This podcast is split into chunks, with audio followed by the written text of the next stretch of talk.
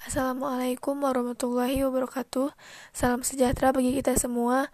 Perkenalkan, nama saya Marsyanda Rahmalia.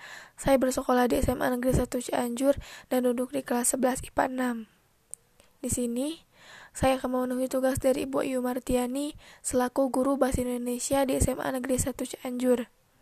Topik pada pembahasan kali ini yaitu tentang teks prosedur. Teks prosedur adalah teks yang menyajikan langkah atau cara yang bertujuan untuk membuat atau melakukan suatu hal yang tepat secara berturut sehingga menghasilkan suatu tujuan yang diinginkan. Di dalam teks prosedur, ada yang dinamakan struktur.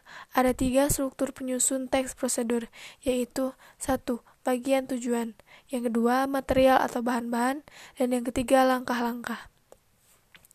Selain itu, Teks prosedur di dalamnya terkandung ciri kaidah kebahasaan seperti 1. Konjungsi 2. Kalimat perintah 3. Verba imperatif 4. Verba material dan 5. Tingkah laku Berikut ini adalah contoh dari teks prosedur yang saya buat berdasarkan struktur dan kaidah kebahasannya.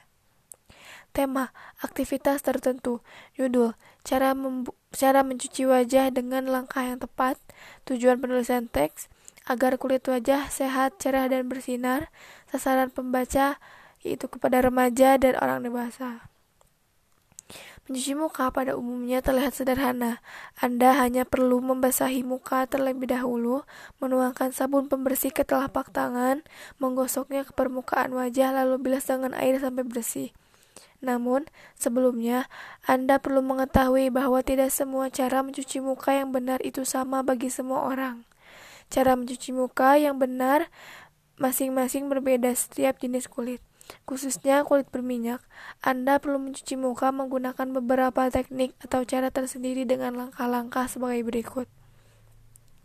Bahan-bahan atau alat yang per, alat yang diperlukan: 1. air hangat, 2. pembersih wajah, 3. handuk, 4. toner, 5. krim mata atau serum, 6. moisturizer atau pelembab, Adapun tahap-tahapannya sebagai berikut. Langkah pertama, cuci wajah menggunakan air hangat dan facial wash sesuai jenis kulit Anda, kemudian keringkan menggunakan handuk bersih. Langkah kedua, gunakan pembersih wajah yang ringan dan lembut untuk membuat kulit wajah tampak lebih halus.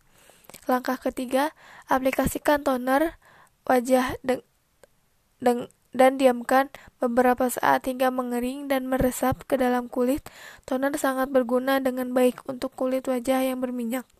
Langkah keempat, gunakan krim mata atau serum dan biarkan hingga meresap. Cara ini sangat bermanfaat untuk mengatasi kerutan atau kerusakan kolagen pada kulit. Langkah kelima terakhir, aplikasikan moisturizer untuk membuat kulit wajah tampak lebih lembab dan kenyal. Terima kasih, mohon maaf bila, ada kesalahan. Wassalamualaikum warahmatullahi wabarakatuh.